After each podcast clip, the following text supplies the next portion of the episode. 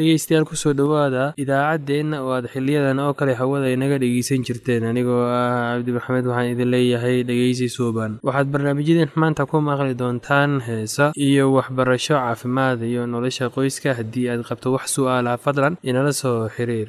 Ciwaankeenna waa radio somaly at yahu dt com. Mar labaad ciwaankeenna waa radio somaly at yahu dt com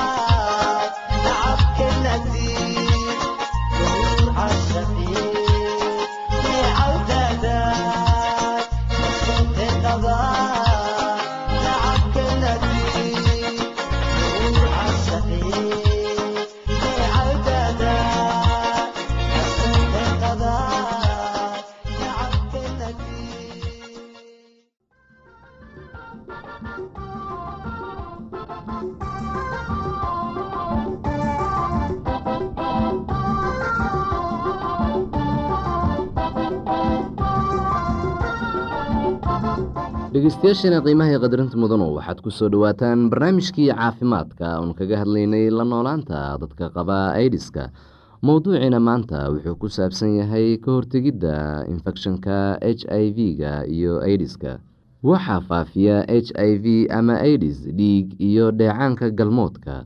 Haddaad qabtid h i v ama aidis ha ka welwelin inaad qoyskaaga u gudbiso fayraska inta ay socoto nolol maalmeedku laakiinse haddaad rabtid inaad naf ahaantaada iyo kuwa kaleba ilaaliso waa inaad yeelataa dhowr digtoonaan waa inaad iska ilaalisaa jeermiga adigoo saxada gurigaaga wanaajinaya. Dabool dhaawac kasta oo kugu yaal dadka kugu gargaaraya daryeelidda jirkaaga waa inay iyaguna daboolaan hadday dhaawac qabaan. Ka fejignow haddii dhiig kaa socdo ama ay jiraan dhar dhiig ku yaal biyo karkarsan ku dhex rid dharka iyo wax kasta oo dhiiga gaaray. Jeermiga h i v-ga kuma noolaan karo biyo karkarsan iyo markii wax badan uu qoraxda ama meel qalalan u yaal.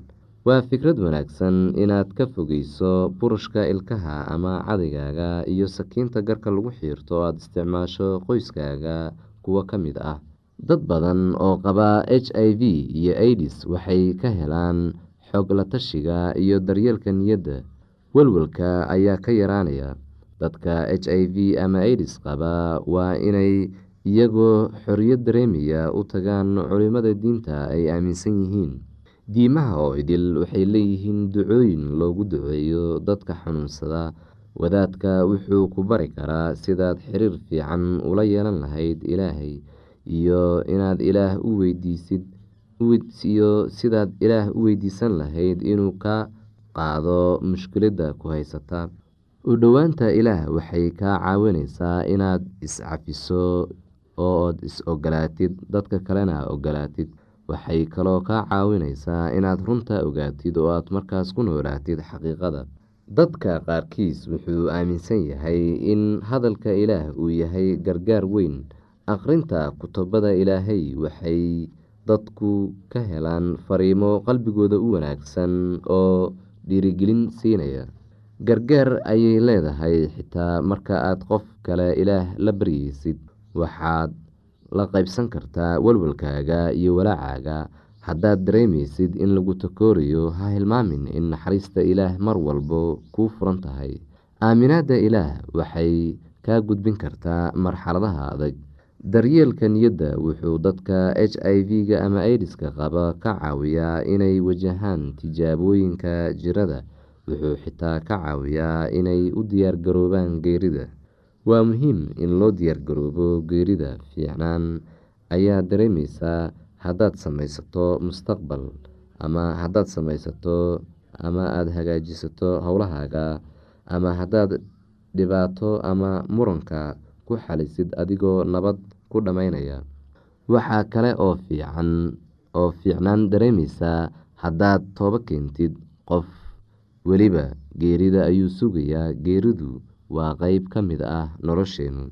Kulligeen maalin maalmaha ka mid ah ayaan dhiman doonaa laakiin sababta geerida keenaysa ayaa muhiim ah. Waxaa aada u fiican in la geeriyoodo adigoo kula joogaan dad aada jeceshahay haddaad geerida ogolaato walwal la'aan geesinimadaadu waxay bedeli kartaa niyadda nolosha kuwa kaa dambeeya. Sida badan waxaa la ogsoon yahay walwalka aan ka qabno ayaa geerida naga baqdin geliya laakiin waa inaad aaminto ood rumayso ballanqaadyada ilaah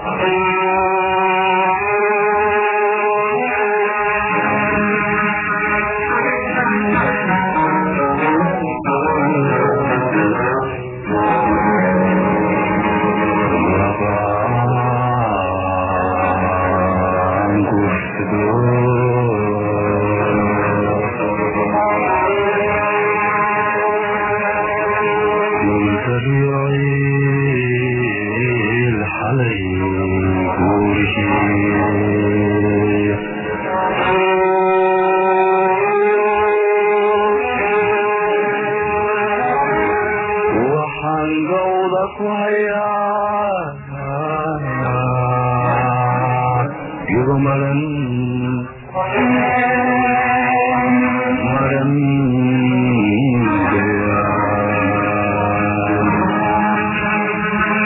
وحن روضك هيا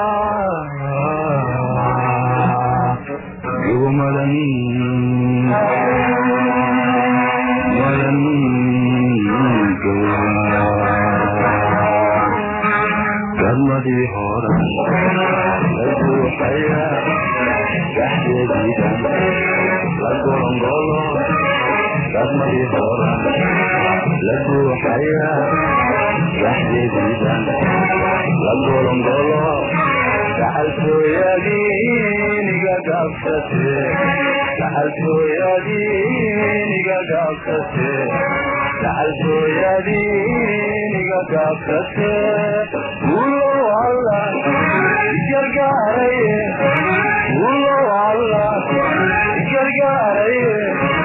dambeeyo mugalab wada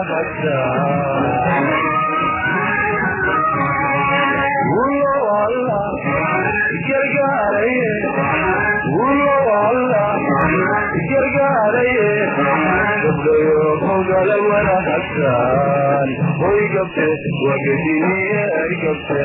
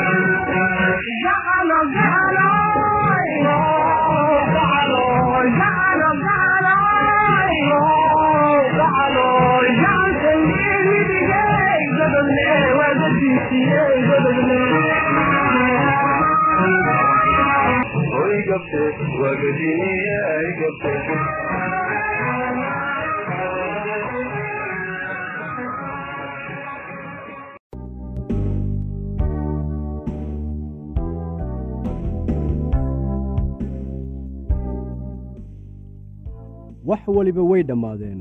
Qofkii aad wada joogteen maanta waxa uu doonayaa inuu qof kale la joogo.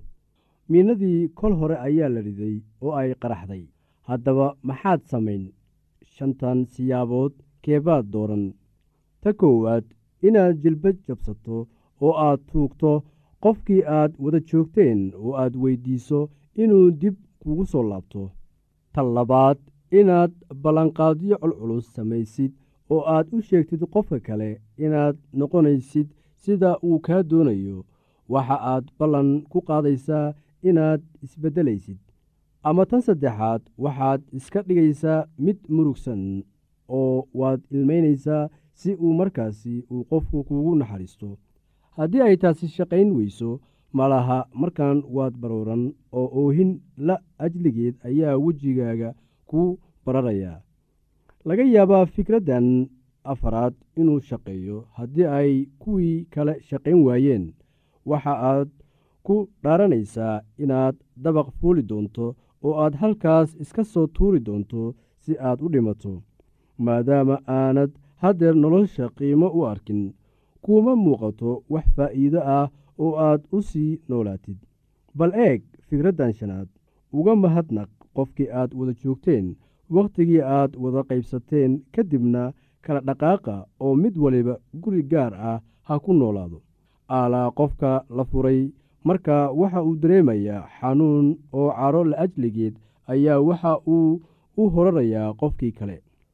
Waxa uu sidaa u samaynayaa inuu ishilmaansiiyo xanuunka furitaanka.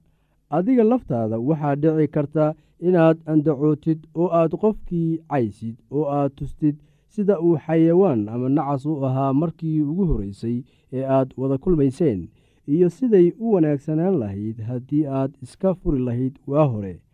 Waxaa jira wax qalbiga qofka ku jira laakiin marnaba uusan afka ka odhanaynin laakiin waxa uu ku haysanayaa maskaxda. Waxa uu is odhan karaa isaga weeye midka aan i doonaynin laakiin aniga weli waan doonayaa. Marka warku ku saabsan waxa aad adigu tahay faafo cid ku rabaysa ma jirto. Maadaama aad aniga diidday waxa aan isku taxallujinayaa inaan arko adiguna inaanay cid ku rabin. Mararka qaar ka aargoosashada noocan ah ayaa waxa ay u dhacdaa si cad oo weerar ah. Markii uu cumar furay sacdiya waxay ku tidhi isaga iyada oo qaylinaysa inaad sidan samayn weligay waan ogaa. Markii hore ayaan qalad sameeyey maba ahayn inaan ku guursado inaad qofka waxyeelaysaad jeceshahay sow ma ahan. Marar badan ayaad ii waxyeelaysay oo aan xitaa tiradoodu xusuusan laakiin marka aad ii dhammaysay wax walbaan ku siiyey oo wax walbaan kuu sameeyey bal haddana fiiri sidaad iila dhaqmaysid.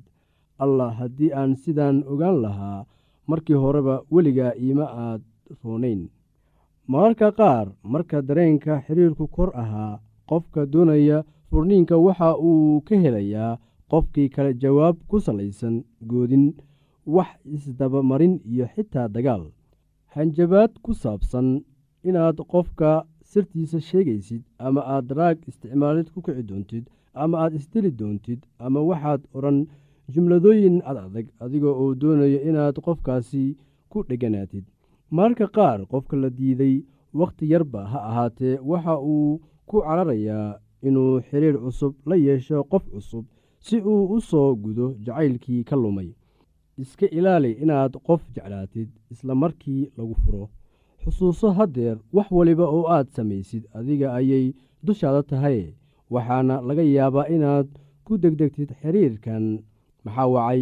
Waxaad doonaysaa inaad buuxisid meeshii bannaanayd jacaylka noocaas ah kadib furniinka allah waa mid been ah oo muddo yar gudaheeda ku soo gebagabooba haddii aad ka naxaysid oo aad weli xurmo u haysid qofka bilaabay furniinka waxaa wanaagsan inaad qofkaasi wakhti siiso furniinka dabadii si uu uga fikiro oo bal u eego inuu wax qalad ah sameeyey intii aad xiriir cusub bilaabi lahayd.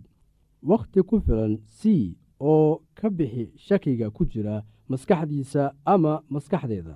Markan isku day inaad wax wanaajisid waxa aad qofka kale u sheegtaa in isbarashadii aad isbarateen runtii ay aad ugu wanaagsanayd oo aanad fahamsanayn sababta ay u dhammaatay laakiin haddii ay sidaa dhacday aad u rajaynaysid farxad kaamil ah. U xaqiiji qofka inaad weligaa saaxiib la ahaanaysid. Markii wax waliba la yidhaahdo oo la sameeyo aqbal xaaladda oo u isticmaal sida kugu wanaagsan intii aad isku baabi'in lahayd. Dhegeystayaal ku soo dhowaada idaacaddeenna oo aad xiliyadan oo kale hawada inaga dhegeysan jirteen. Anigoo ah cabdi maxamed waxaan idin leeyahay dhegeysi suuban. Waxaad barnaamijyadeen maanta ku maqli doontaan heesa iyo waxbarasho caafimaad iyo nolosha qoyska haddii aad qabto wax su'aalaha fadlan inala soo xiriir. Ciwaankeenna waa radio somaly at yahu dt com. Mar labaad ciwaankeenna waa radio somaly at yahu dt com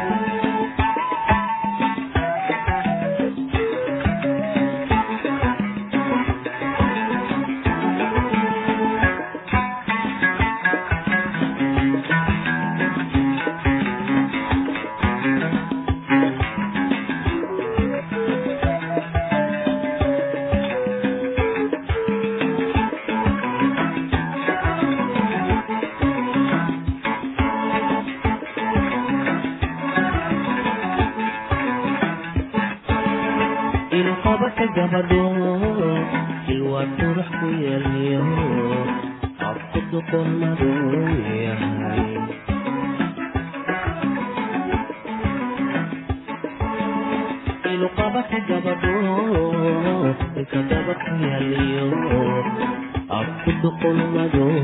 yahay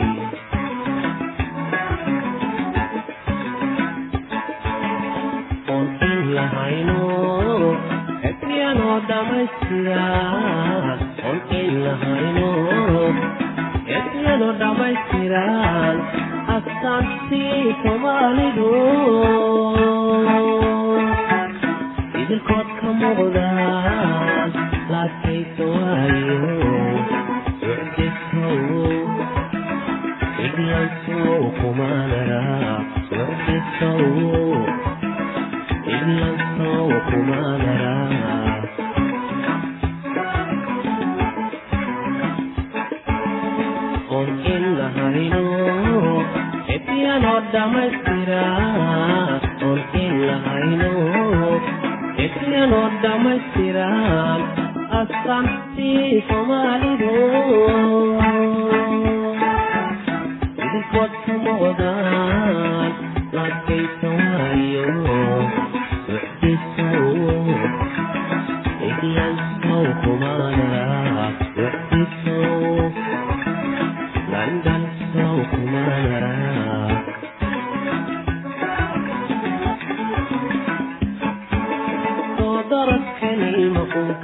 maqunka mintaxay dhabi soo daradkani maqunka mintaxay dhabi gurbaa maalilahay soo qalgalkaygii oridaydi may noqon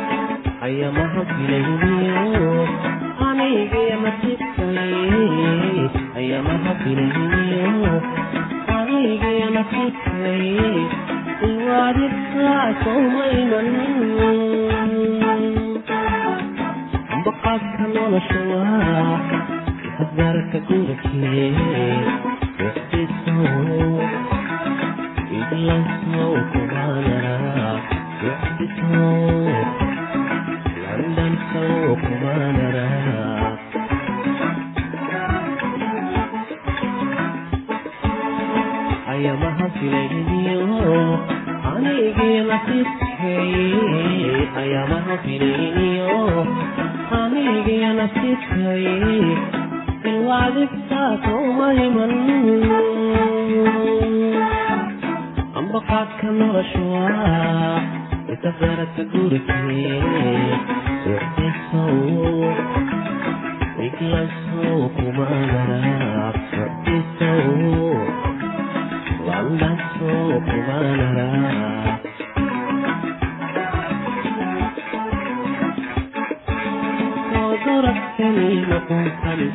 jacayl